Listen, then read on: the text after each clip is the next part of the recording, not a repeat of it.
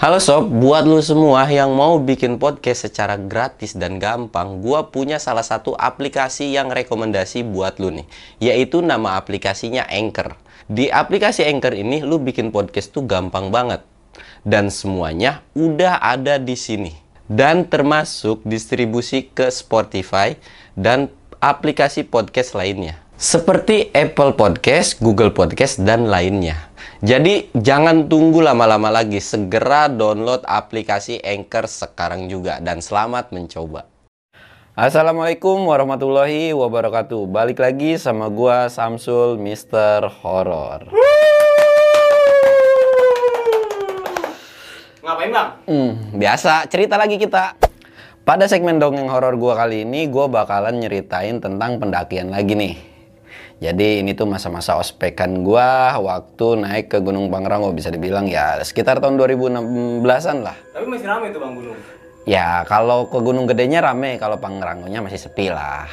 Pokoknya udah tau lah ini gue naik sama siapa gitu kan. Udah lu juga udah pasti nggak bakalan asing lagi gitu kalau gue. Cowok itu naiknya. Cowok Ya, dong. ya, kenapa kagak cewek? Kagak ada yang mau.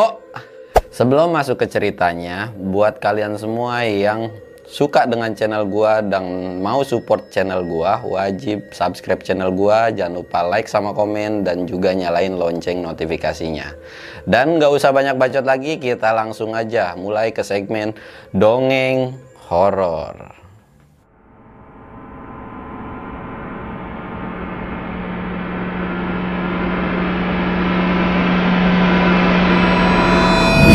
Sebelum mulai cerita, biasa ritual dulu.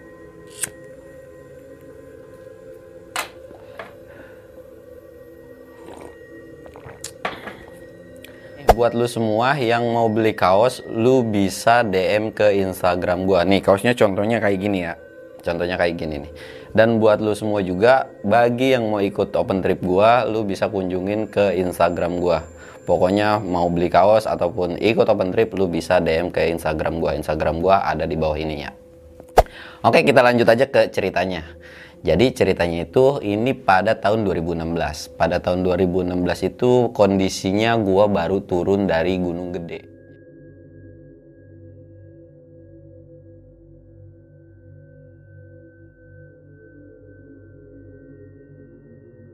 Jadi pada saat itu eh gue baru gue bakalan nyeritain dulu tentang sedikit tentang si Upi ya.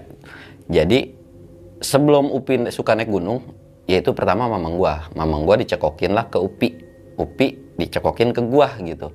Nah pada tahun-tahun segitu tuh gua disuruh buat ngegantiin posisinya Upi dalam arti harus ada penerus buat ngadain open trip lagi gitu karena kan nggak selamanya juga Mamang atau Upi ini ngadain open trip. Nah, pada tahun 2016 itu gue bener-bener bisa dibilang kayak ospek kali ya. Bener-bener ikut open trip dia, ikut morterin kayak dia, eh, ikut morterin tripnya dia gitu. Nah, pada saat itu gue baru turun dari Gunung Gede. Kondisi ya udah capek lah. Pada saat itu tuh tim gue kebenaran ada empat orang. Gua, Upi, terus ada Rangga sebut aja terus ada si Dede satu empat orang nah sedangkan gua sama si Dede ini cabutan sedangkan si Rangga ini memang udah timnya dia gitu kan pas udah turun tuh sebenarnya gua nggak bakal nyeritain tentang pendakian gua ke Gunung Gede yang pada saat itu gitu. Karena memang nggak ada kejadian apa apa cuman ketika sampai di base camp udah sampai bawah nih lagi ngeres. Harusnya biasanya kalau gua disuruh ikut bantuin dia nih gua langsung dibayar biasanya. Nah pada saat itu dia nggak ngebayar. Jadi istirahat belaga-belaga lupa aja belaga-belaga lupa diem. Tiba-tiba ada celutukan si Rangga bilang duh minggu depan kan naik lagi. Nggak usah pulang enak kali ya. Dari situ si Upi bilang wah iya nih enak juga nih katanya. Yaudah yuk lanjut naik lagi. Naik ke gede lagi. Si Rangga bilang janganlah bosan baru juga turun. Mending kita ke Pangrango aja katanya. Ya udah ke Pangrango. Nah dari situ gua sama si Dede ini nggak ada omongan apa-apa. Jadi diem aja kayak merhatiin. Ini orang saklek amat sih baru dia turun udah naik lagi gitu kan gue cuma diem diem aja. Gue bilang gue skip ah. Nah si Upi ini bilang nggak lu harus ikut pokoknya biar fisik lu kuat. Anjir dari situ gue udah ngeluh banget tuh. Kata gue ya elah udah mau bawa berat gitu kan. Tiba-tiba sekarang suruh turun terus naik lagi. Ya cuman mau nggak mau karena paksaan dia akhirnya ya udahlah. Nah paling ngeselinnya lagi dari base camp Putri sampai bawah itu gua kagak naik ojek kagak naik angkutan umum. Disuruh jalan kaki katanya fisik Iya gue tahu sih fisik. Cuman kan ya gimana ya udah zaman canggih gitu. Nggak kendaraan juga banyak dan lain-lain. Kenapa harus milih jalan? Udah ada yang gampang kenapa milih yang susah gitu kan? Cuman dia mau nggak mau akhirnya jalan tuh gue sampai bawah. Pas sampai bawah ternyata gue kira mau langsung naik angkot. Kagak. Dipaksa buat jalan terus. Jalan terus akhirnya karena gue kesel kan ya udah gue masuk ke warteg tuh. Udah gue makan aja di situ. Pas udah makan lu ngapain masuk ke warteg lapar gue bilang jalan mulu. Ya elah lemah banget katanya. Ya udah akhirnya kita makan dulu lah di situ. Makan udah makan. Ya karena mungkin kasihan ngeliat gue akhirnya naiklah uh, gue pindah ke base camp uh, Cibodas. Ketika udah sampai base camp Cibodas itu kondisinya gue udah sore. Jadi udah sore lah. Jadi uh, nggak langsung naik. Diputusin lah buat besok naiknya. Jadi itu hari Selasa. Nah di situ karena memang kita juga logistik udah habis jadi udah sampai base camp tuh kita belanja-belanja kebutuhan yang lain. Dan pada saat itu nggak banyak juga sih. Yang penting rokok banyak banget stok sama kopi. Makanan juga beberapa bawa beras. Cuman ya nggak yang terlalu mewah-mewah banget gitu kan. Akhirnya setelah belanja ya udah tuh nggak ada obrolan apa-apa lagi. Sampai akhirnya ketemu besok pagi di hari selasanya. Gua kira mau naik pagi atau setidaknya jam 9 atau jam 10 gitu kan. Dan ternyata pas gua tanya mau naik jam berapa nih ntar lah santai bentar lagi. Udah lewat sejam lagi mau naik jam berapa nih? Ntar lah santai bentar lagi. Akhirnya sampai nggak tahu gimana pokoknya emang sengaja atau gimana gue agak tahu. Naiklah gue jam 3 sore. Dalam hati gue ya gue bilang ini mah emang sengaja pengen rek malam gitu kan. Udah tahu jaraknya dari Cibodas ke Pangrango itu cukup jauh gitu kan. Jadi nggak mau nggak mau ya udahlah. Cuman pada saat itu gue punya satu request gue bilang pokoknya gue nggak mau bawa berat gue mau agak entengan. Iya tenang kata dia gitu kan. Ya udah dari situ packing packing akhirnya gue jam 3 berangkat tuh. Jam 3 berangkat. Sepanjang perjalanan ya pada saat itu ada lah beberapa pendaki gitu yang naik juga. Cuman kalau untuk yang sorenya itu nggak ada. Bener-bener pas gue itu nggak ada satu kelompok pun nggak ada lah. Jadi gue jalan. Pos demi pos gue lewatin gitu kan. Sampai akhirnya di kandang batu gue sampai jam 8 deh kalau nggak salah jam 8 malam kan. Di situ gue sempet ngeres dulu. Ngeres sebatang sebatang di awal perjalanan tuh bener-bener bercandaan minim. Kayak cuman sebatas ngobrol biasa-biasa gitu. Gue nggak tahu nih akal busuknya apa nih manusia ini gitu kan. Padahal feeling gue udah jelek aja nih sama nih orang gitu kan ngerokok sebatang, dua batang, tiga batang gitu kan. Bahkan sampai ngopi pun ya nyeduh kopi dulu gitu. Lama lah, bisa ngeres tuh setengah jam lebih kalau nggak salah gue di kandang batu. Akhirnya setelah ngeres kita beres-beres lagi jalan nih. Jalan lagi, karena memang kondisinya pada saat itu gue nggak ada barengan tim lain. Cuman berempat-berempatnya doang nih. Jalan, tiba-tiba memang kondisinya pada saat itu Upi depan, terus gua, terus si Dede, dan yang paling belakang si Rangga gitu kan. Jalan nih. Mulai dan nih bercandaan-bercandaan biadab gitu kan. Udah kesel banget gue jadi awas depan kepalang gelinding. Anjir gue bilang dari situ. Wah udah bercandanya udah ngaco nih. Kondisi gue lagi capek kan. Maksudnya ya capek turun gunung tiba-tiba naik lagi. Si Dede pun yang baru beberapa kali ngikut si Upi ini ya bisa dibilang porter cabutan gitu kan Wah, gua, dia bilang tuh, gue salah masuk, tim bercandaannya barbar banget anjir. Padahal kayaknya kemarin pas naik ke gede kagak gitu-gitu amat dah dia bilang. Ya, gue cuma nengok ke dia, yang sabar ya. Setidaknya gue ada korban bully lah, ada korban, ada temen yang buat dibully sama dia. Dari situ si Rangga tuh cuma ketawa, hahaha gitu kan, ketawa seneng lah. Dari situ ya udah kita jalan. Tiba-tiba nyeletuk si Rangga juga li, nyanyi lebih tepatnya kayak nyanyi sih. Tahu kan nyanyi lagu ini lihat kebunku? Cuman kalau ini enggak. Lihat hutanku penuh dengan demit kiri dan kanan. Pokoknya kayak gitulah. Pokoknya bercandanya ngomongin setan lu sepanjang perjalanan.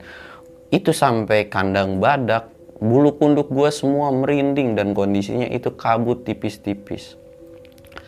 Dan gunung gede paling gue malesin ketika gue ketemu kabut di Gunung Gede. Nggak tahu kenapa, pokoknya kalau tiap gue ketemu kabut dan itu kondisinya udah lewat maghrib, mata gue tuh biasanya selalu ngelihat penampakan mau jalur putri ataupun cibodas dan pada saat itu juga memang ya ada sih seliweran-seliweran gitu kan. Cuman ya karena gua naiknya sama tim yang benar-benar ya intinya nggak penakut semua gitu. Ya walaupun si Dede juga agak merinding gue juga merinding banget. Cuman ya udahlah bodo amat. Sampai akhirnya gua di kandang badak. Gua kira sampai di kandang badak tuh bakalan ngecamp. Ternyata kita cuman ngeres doang. Dan kondisi udah sampai kandang badak itu gua jam 11 jam 11 malam gua kondisi udah capek banget. Dan pas udah capek kayak gitu tuh gua tuh kan udah mau ya udahlah alhamdulillah udah sampai nih. Gua kira mau ngedirin tenda kan. Ternyata udah kita break di sini setengah jam ya. Dari situ gua langsung lah emang kita mau ngecamp di mana? Sono aja Mandala Wangi lah serius? kata gua trek malam gini, gini apa ke Mandala Wangi iya serius. Dan alhamdulillah pada saat itu gua kebagian cerah. Bener-bener kebagian cerah jadi nggak ada hujan dan nggak ada gerimis angin juga santai gitu kan. Ya kalau dingin mah tetaplah dingin. Dari situ kata gue pi gue udah capek banget ini. Ya lah capek dari mana sih? Lu kelihatan masih segar itu ngerokok aja lu ambil trekking katanya masih kuat. Kalau lu ngerokok sambil trekking nggak kuat berarti lu udah capek. Ya udah gue kagak ngerokok dan ntar gue udah capek nih. Udah kagak udah kita lanjutin orang cuma bentar doang gitu kan. Akhirnya mau nggak mau udah gue ngeres lagi jalan lah gue sampai ke Mandalawangi di sepanjang perjalanan pada saat itu jujur itu uh, kedua kalinya. Kedua kalinya cuman yang pertama itu gue ke Pangrango itu itu keadaan kondisi siang dan gue samit dari kandang badak. Sedangkan sekarang gue dikasih jalur malam sambil bawa berat.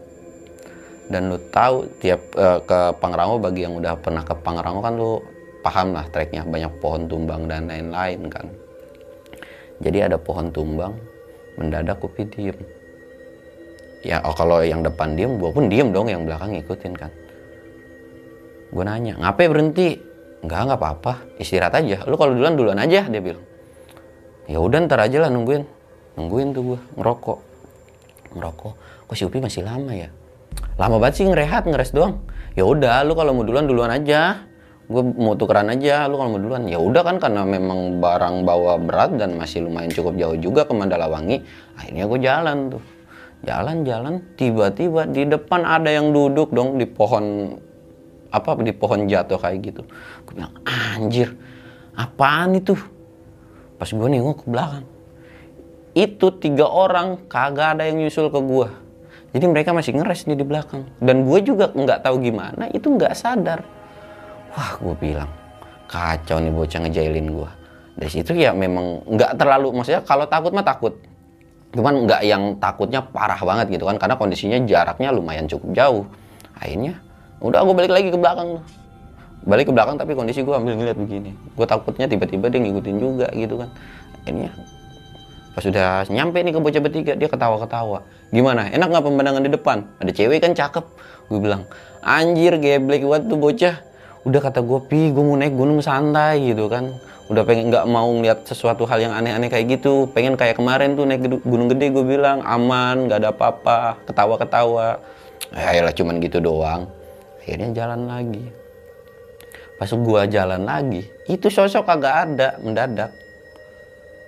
Ya selang udah nggak ada dan pada saat itu juga gue nggak dengar suara-suara aneh sih. Ya suara-suara kayak ketawa ada yang nangis cuman gue berempat ya udahlah biarin aja. Anggap aja itu emang suara malam ciri khasnya di gunung gitu kan.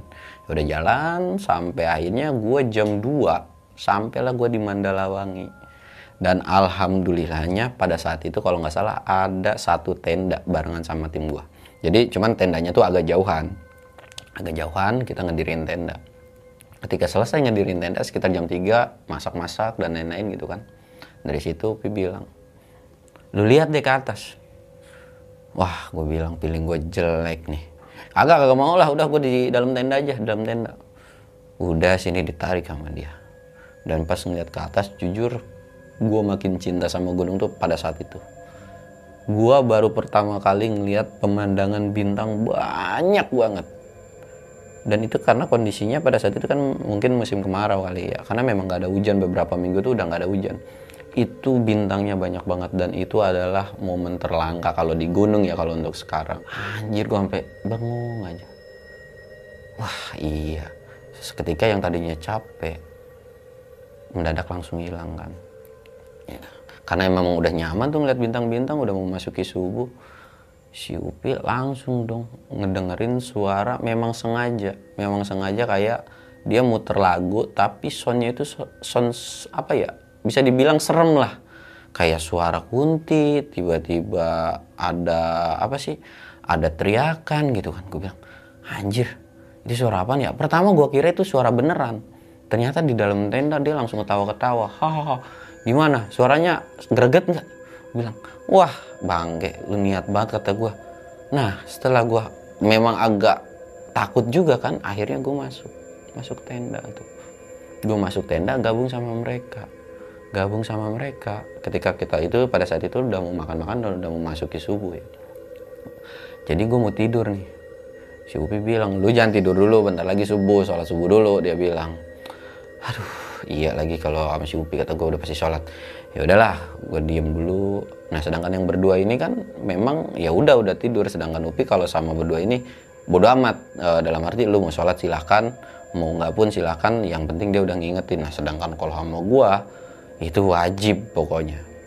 Setelah itu gue lagi ngobrol-ngobrol sama si Upi gitu ya.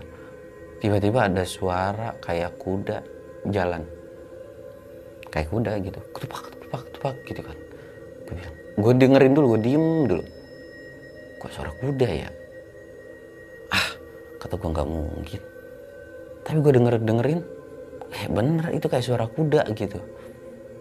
Gue denger dengerin lagi bener Ufi bilang dengar suara apa lu? Suara kuda ya? Iya. Ya udah lu lihat kali aja bagus kudanya kita taikin dia bilang gitu.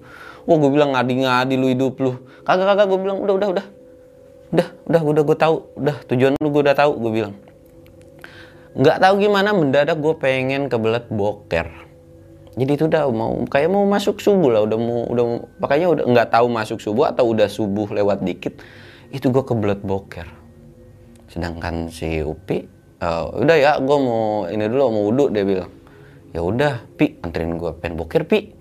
Dia bilang manja amat sih boker dong dianterin udah kayak kagak biasa aja gitu. Ya pi dengar suara itu kuda tadi gue jadi agak jiper dan lu lagi muternya semalaman gue bilang muternya lagu kayak begituan. Ya udah dia bilang santai aja nggak bakal kenapa-napa. Akhirnya gue ya karena memang udah susah tuh bocah diajakinnya. Gue mau ngebangunin yang dua juga memang karena kondisinya capek. Ya udahlah gue beraniin diri buat ke apa boker di semak-semak gitu kan agak masuk ke dalam hutan. Sebelum boker gue celangak celinguk dulu nih nyenterin kiri kanan. Karena kan e, Mandala Wangi itu cukup lumayan lebat juga ya pohon-pohonnya jadi ya lumayan serem. Gue celangak celinguk celangak celinguk. Udah buka celana nih gue udah ngegali lubang juga kan boker gua. Nggak tahu gimana. Dari tenda sebelah pokoknya ada satu tenda itu tiba-tiba keluar dan teriak bang belakang lu ada kepala buntung. Gue langsung panik gue ngeliat ke belakang. Anjir gue langsung diem. Jadi kondisi boker gue dudukin itu. Gue bayangin gue dudukin. Kotoran gue sendiri gue dudukin. Dan gue langsung gue udah kondisi gue pokoknya duduk begini. Dan gue cuma begini dong. Ya udah dah. Gimana ya gue mau cebok juga gimana? Gue mau lari juga udah pasti dicengin. Dari situ ya udah. Gue bodo amat dah. Yang penting lu kagak jalan kagak kedengeran nih suara langkahnya gue coba cebok. Setelah cebok kok kayak deket belakang gua gitu kan. Kondisi itu gue udah mau selesai ya. Udah mau selesai cebok gitu kan gue langsung teriak Upi tolongin gue di belakang ada setan gitu kan. Gue langsung itu kondisi itu celana nggak gue sletingin jadi gue lari langsung. Dan gue nggak berani nengok ke belakang karena feeling gue itu di belakang ada. Dan itu gue ngerasa kayak ya kayak lu tahu sendiri lah kalau kadang-kadang punya feeling jelek gitu kan merasa kayak deket gitu kan. Anjir gue bilang itu tuh kayak mau kayak mau gini cuman gue keburu lari akhirnya gue lari set. Sampai lah gue ke tenda. Dari situ gue ngaknya si Upi cuma ketawa. Gimana? Seru nggak? Mandala Wangi malam-malam. Udah mau masuki subuh. Gue mau ngomong apa lagi? Gue udah bingung kan? Gue ngambil wudhu gue langsung sholat. Gue udah kagak ada omongan lagi gue ganti baju dan lain udah gue sholat. Udah sholat gue minum kopi segelas gue langsung tidur. Lu mau ngomong apa? Bodoh amat gue sama si Upi begitu. Udah gue mau tidur gue istirahat gue capek banget. Akhirnya gue tidur tuh. Dan gue sebenarnya gedek banget itu sama tenda yang sebelah. Kenapa itu tiba-tiba orang neriakin gue dan gue juga anehnya gitu gue ya mungkin kan bisa aja dia teriak ke temennya gitu kan. Tapi feeling gue itu ke, ke gue gitu. Dan gue gobloknya malah nengok ke belakang karena penasaran. Ah ya udah dah dari situ ya udah gue tidur tuh. Tidur dan ketika gue tidur gue berharap bisa bangun jam 10 jam 11 mendadak gue dibangunin jam 8 pagi. Jam 8 pagi gue dibangunin sama si Upi bangun bangun bangun. Pagi pagi nih jangan tidur mulu. Ngabluk banget dia bilang. Gue bangun dong. Pi gue bilang ngantuk banget. Gue udah capek banget. Tidur kurang dan lain-lain. Udah bangun dulu. Gue buka dan itu kondisi yang tenda tadi ada semalam ada itu hilang. Gue kira udah turun. Gue tanya ke Upi kan Pi tenda yang semalam ke mana? Tenda tenda mana sih? Nggak ada. Ah serius lu? Gue bilang jangan bohong. Serius nggak ada tenda? Gue kekeh kan gue tahu si Upi dia orang ngejailin. Nggak ada tenda. Gue bilang di sono ada tenda satu. Beneran nggak ada tenda? Lu tanya nih bocah bertiga. Serius nggak ada nggak ada. Terus yang semalam ngecamp di sini sama kita siapa? Dia bilang lah kagak tahu. Lu yang ngeliat lah gue mah pas datang sini emang kagak ada tenda. Ah gue bilang ah bodo amat dah cuman gue dapat bonus lagi. Eh, ketika lu pernah ke Surkan dan Mandalawangi lu pasti bisa ngebedain Mandalawangi itu edolisnya tuh banyak. Dan pada saat itu gue naik ke situ tuh bener pas lagi mekar-mekarnya. Jadi wah udah kebayar dah capek dan eh, keselnya gue sama si Upi itu udah kebayar pada saat itu. Nah dari situ kita masak kan masak terus ngopi-ngopi. Upi bilang gimana? Dia bilang tuh lu masih mau naik gunung kagak? Gue masih mau naik gunung sih cuman kagak gini juga gue bilang ya udah nggak apa-apa. Karena ya lu masih undung katanya yang ngajarin gua atau yang ngebimbing gua. Coba lu kalau mamang buset lu disuruh bawa 30 atau 50 kilo lu sama dia lu naik gunung. Gue bilang lo apa urusannya? Gue bilang. Ya jangan gitu juga kali sama saudara. Lah itu kan buat nguji mental lu kata dia kan. Akhirnya kita ngobrol si Upi itu banyak ngasih pelajaran. Ternyata tujuan dia bawa gua ke Mandalawang itu memang buat nerusin dalam arti apa ya bukan nerusin juga sih. Bentar lagi kan dia bilang gue juga nggak mungkin selamanya di gunung. Jadi ya udah setidaknya ada yang nerusin. Kalau lo ada lo yang nerusin nanti lo bisa terusin lagi ke saudara lo yang lain. Gitu. Akhirnya udah makan-makan gue kira mau balik. Upi bilang kita masih ada satu malam lagi. Dan itu kondisinya masih sore ya masih sore. Kita masih ada satu malam lagi katanya di sini. Besok aja turunnya gue bilang ya elah mau ada apa lagi? Masa ya gue di ospek terus terusan gitu kan? Udah tuh ya udahlah bodo amat gitu. Pas udah sore ternyata ada satu rombongan totalnya sekitar 7 sampai 8 orang. Totalnya 7 sampai 8 orang ngecamp di Mandalawangi ini. Dan itu kondisinya bisa dibilang 10 atau 20 meteran lah dari tenda gua. Dari situ juga pas udah ketemu tenda gua tuh mereka tuh nyapa. Kita juga sempat ngobrol-ngobrol oh udah di sini juga gitu kan? Ya bang. Satu malam lagi nih besok baru turun. Oh ya udah kita gabung. Cuman mereka jauhan. Nanti kalau butuh apa-apa bilang aja ya bang. Iya gitu kan. Ya udah mereka ngedirin tenda gue pun masak-masak. Ya nggak ada kegiatan apa pun sih. Udah ngelewatin maghrib udah ngelewatin isya gue masuk ke dalam tenda. Gue udah masuk ke dalam tenda tapi nyetelin sebuah apa ya bisa dibilang film kartun. Film kartun gue ketawa hai dan itu gue nggak dikasih suges takut sama dia kayak dia tuh kayak ngehipnotis gue gitu kayak ngasih suges ketika positif lu bakalan positif. Tapi ketika lu negatif lu bakalan mikir negatif. Gue disetelin sesuatu yang lucu dan itu gue nggak mikir apa-apa. Tapi ketika gue eh tolong ambilin air dong kata si Upi itu. Ada di luar. Ya udah kan karena memang nggak ada pikiran aneh-aneh gue keluar dan lo tahu ketika di luar itu kepala buntung yang semalam ada lagi depan tenda gua. Gue langsung dari situ cuman diem ngambil gini. Diem set.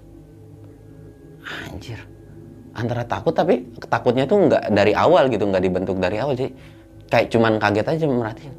Ah gue ambil tuh gue masuk lagi. Gue tutupin. Lihat apa lu di luar? Dia bilang gitu.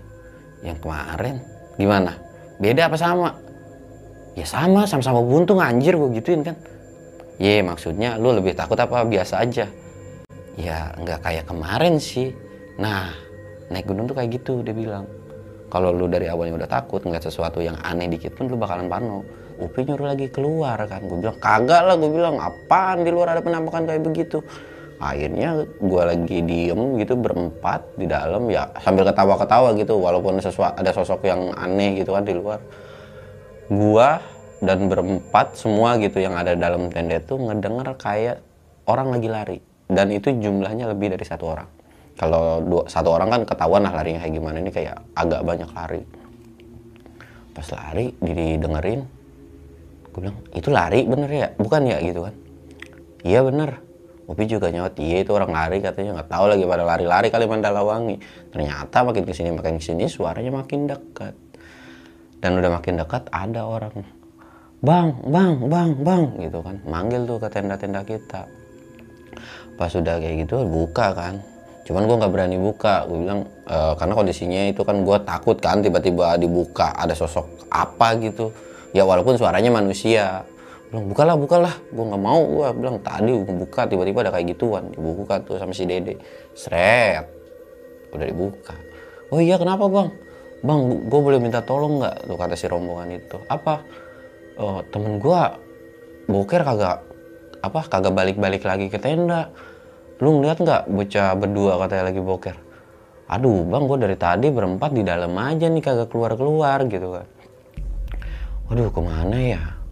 Terus akhirnya si rombongan itu tuh minta bantuan. Bang boleh minta tolong nggak ikut bantuin tuh? Aduh gue bingung nih temen gue takut kenapa-napa gitu kan akhirnya ya udah ayo bang kita cari bareng-bareng. Nah kita berempat keluar nih prepare uh, headlamp semua. Sebenarnya gue males sih ikut gitu kan karena kalau gue ikut udah tahu nih kejadiannya. Maksudnya kayak ya udah pasti bakal ketemu sama setan atau kayak begituan lagi kan. Ya udah gue keluar berempat tuh. Uh, emang tadi bokernya ke mana? Tadi sih ke sebelah sono bang cuman uh, kita semua tuh kayak ya udah nanti juga balik lagi kan. Cuman ditungguin udah setengah jam lewat nggak ada. Dan pas disamperin ke sana dipanggil panggil pun itu nggak ada. Dari situ masa sih nggak ada? Akhirnya karena gue penasaran kan gue samperin tuh berempat ke sono ke lokasi dipanggil panggil lah namanya. Cuman nggak ada yang nyaut bener. Dan bahkan nggak ada headlamp juga. Kalau orang boker di semak-semak ada headlamp kelihatan dong harusnya. Dipanggil panggil nggak ada. Sampai pinggiran-pinggiran kayak hutan gitu kan banyak pohon. Itu disenterin dan agak masuk dikit itu emang nggak ada. Minimal setidaknya ada ranjaunya lah. Ada bekas dia boker gitu kan dan ini nggak ada. Pas sudah kayak gitu bang iya emang nggak ada ya? Lu bener. Emang lu ke sini naik berapa orang dia bilang gue di sini tujuh orang bang. Lu cek aja ini cuma ada lima orang. Benar ternyata memang tinggal lima. Dari situ ya udah tuh nyariin ke Mandalawangi. Dipanggil panggilin namanya. Kagak nyaut nyaut kagak nyaut nyaut bingung kan nih. Aduh gimana bang ya? Ini orang akhirnya Upi nanya dong memang sebelumnya lu ngelakuin apa? Atau ini orang kenapa? Apakah orangnya sensitifan atau sering gimana? Gitu intinya ditanyain lah. Nggak tahu sih bang. Cuman kata dia uh, dari sepanjang perjalanan ini katanya kayak ada yang uh, manggil dia. Bukan manggil sih lebih ke kayak ada orang sosok gitu katanya suruh begini kayak nyuruh ke sini gitu kan. Beberapa kali si orang ini tuh mau ngikutin cuman keburu karena memang lagi trekking barengan kata si ketua rombongan itu ya ya udah lu jangan mikir aneh-aneh jangan mikirin macem-macem gitu kan udah jalan-jalan aja. Ya udah jalan sampai akhirnya ketemulah di Mandalawangi. Dan katanya udah ngelewatin kandang badak juga. Si orang ini tuh hampir mau kesurupan cuman alhamdulillahnya nggak sampai kesurupan. Dan menurut beberapa uh, temannya juga pada saat itu kan sebenarnya mereka enggan gitu kan buat cerita. Cuman Upi ngedesek udah lu ceritain aja bang. Insya Allah nggak apa-apa. Yang penting gue tahu dia bilang gitu Ya pokoknya intinya si kita tuh tadinya mau ngecamp tuh di kandang badak karena kan udah ada satu temen yang kayak gitu. Cuman nggak tahu gimana ini orang ngotot mulu dan kayak emosi. Kalau lu nggak mau ikut ke apa ke Mandalawangi ya udah gue bakalan sendiri katanya yang ke puncak camp di sono dah dia bilang gitu kan. Akhirnya ya udah karena takut dia kenapa-napa juga akhirnya ngalah tuh yang enam itu buat ke Mandalawangi gitu. Dan pada saat perjalanan pun beberapa dari tim mereka katanya ada yang lihat penampakan aneh-aneh. Dan terutama ya itu. Dia mereka juga sebelum sampai ke Mandalawangi mereka tuh pas kondisi siang kan eh sore kan nyampe ke Mandalawangi itu mereka ngeliat sosok nggak ada kepalanya. Gue bingung tuh setan dari mana itu kepala buntung gitu kan? Akhirnya ya udahlah Upi mikir nih di sini nggak ada. Pengen ke puncak ya kata Upi tuh. Bentar deh bang ya tungguin dia bilang. Nariklah si uh, Rangga gitu. Nggak ikut gue lu bentar. Akhirnya ikut tuh. Nggak tahu tuh dia ke mana. Dia jalan gitu kan. Udah bang lu tungguin ya uh, walaupun mau didampingin sama beberapa dari ini. Gue bilang udah bang biarin baik dia mau nyasar mau apa bodo amat lah gue bilang saudara gue ini. Udah biarin biarin biarin.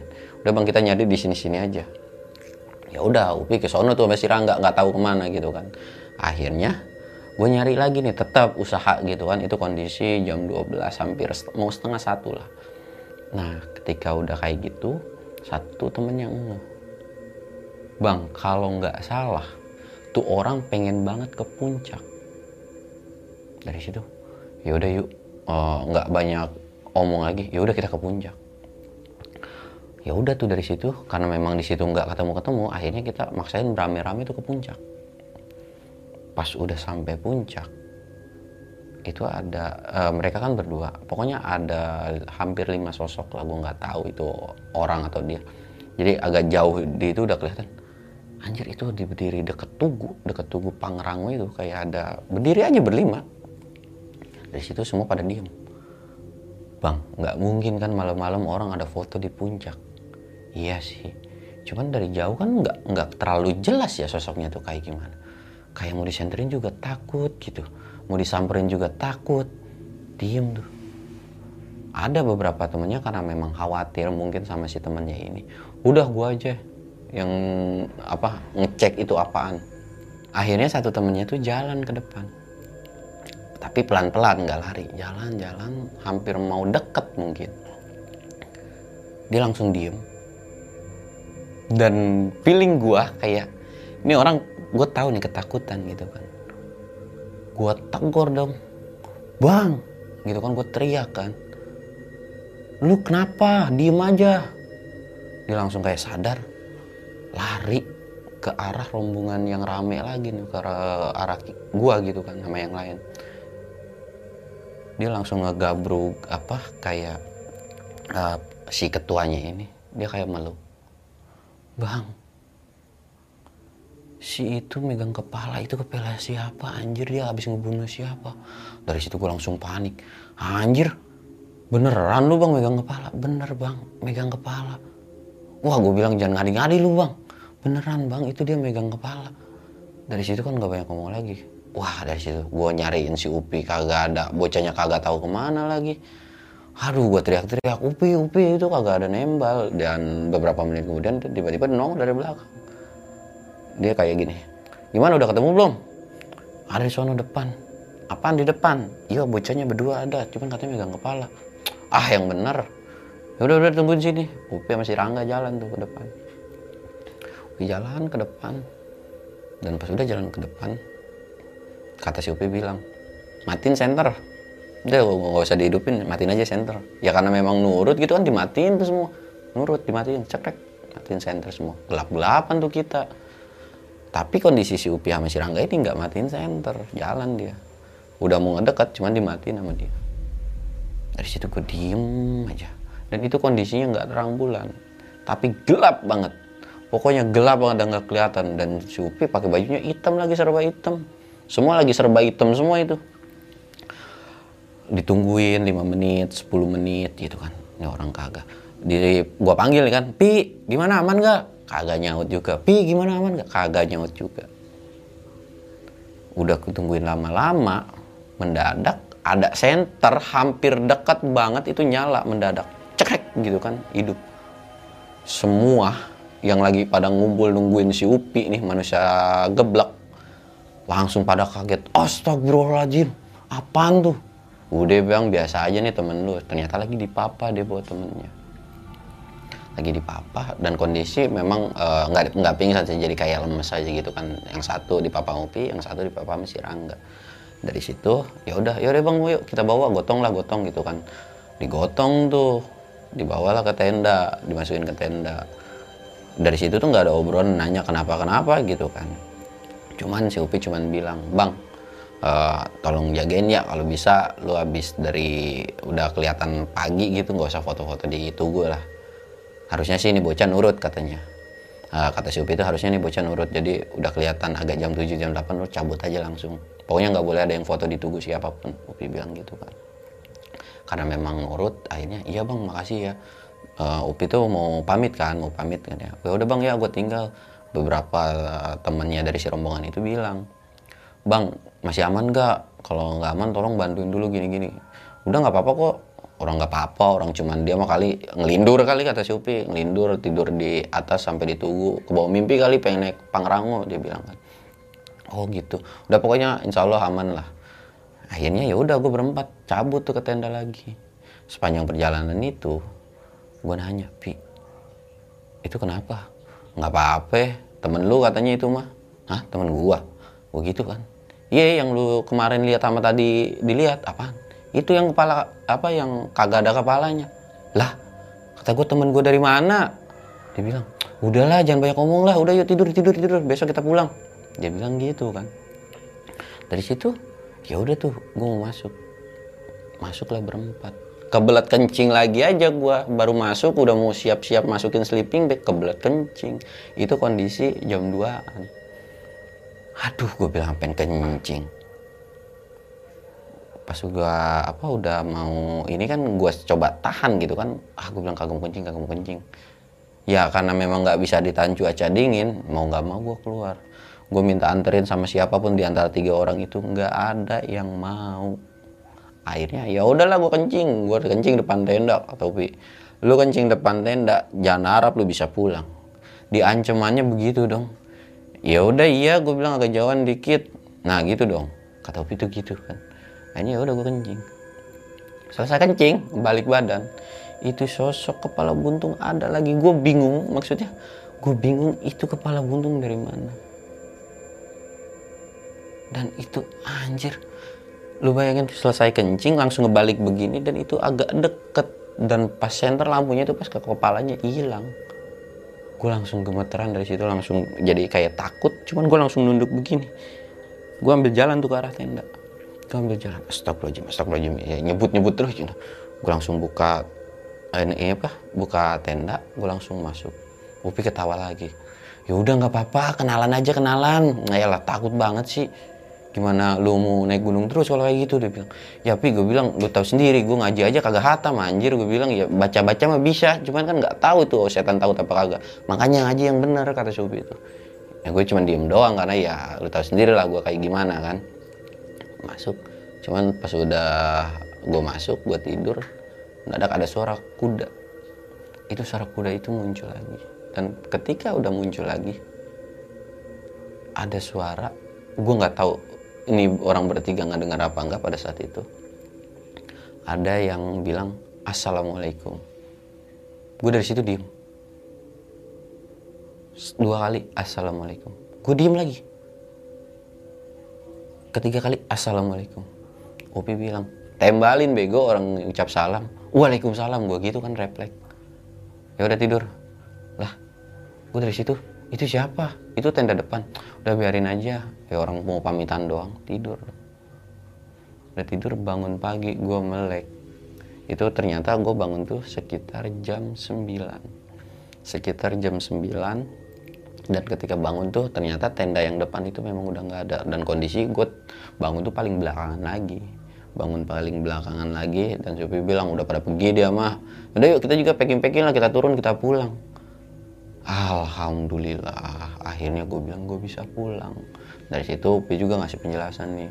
Nah kalau naik gunung tuh kayak gitu dia bilang jangan ngesuges takut mulu. Ya perkara lu bisa ngeliat setan mah bodo amat dah. Yang penting jangan dari bawah sampai atas lu sugesnya takut. Kalau takut ya akan selamanya takut. Ya intinya itu sih ospekan gue waktu gue naik gunung sama si Upi ini gitu kan. Ya banyak sih pembelajarannya bukan cuma itu doang. Mulai dari cara nanganin orang hipo dan lain lain tuh ada gitu. Jadi gue naik gunung tuh nggak yang serta merta nggak tahu apa apa minimal gue dasarnya itu ada ada. Makanya gue dibolehin naik gunung gitu.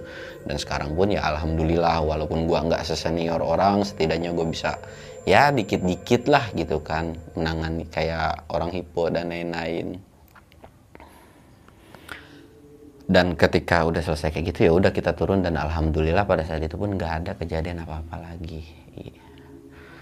Nah mungkin sekian cerita dari gua. Menurut lu gimana cerita ini? Serem atau enggak? Atau kayak gimana nih? Lu komen aja ya cerita ini tuh kayak gimana. Pokoknya lu wajib komen aja tentang cerita yang sekarang gue bawain ini. Dan gue mau ngingetin lagi buat lu semua yang mau bikin baju ataupun ngikut open trip nanya seputaran open trip lu bisa kunjungin Instagram gua ya alamatnya pokoknya ada di deskripsi ada di deskripsi gua. Mungkin untuk cerita gua saat gua di ospek sama Upi cukup sekian aja kali ya. Ambil pelajaran yang memang lu bisa ambil dan buang jauh-jauh sesuatu hal yang negatifnya. Dan jika lu merasa terhibur alhamdulillah kalau enggak ya udah skip aja. Ya enggak gak usah bikin ribet dan buat lu nextnya nanti pengen dengerin cerita siapa nih? Karena kalau cerita gue sama Upi kayaknya bosen banget dah. Lu mau cerita mamang gue atau gua gue? Dia masih banyak cerita. Ya nanti gue coba telepon dia buat coba cerita sedetail mungkin gitu kan. Mungkin cukup dari gue sekian. Gue undur diri, Samsul. Assalamualaikum warahmatullahi wabarakatuh.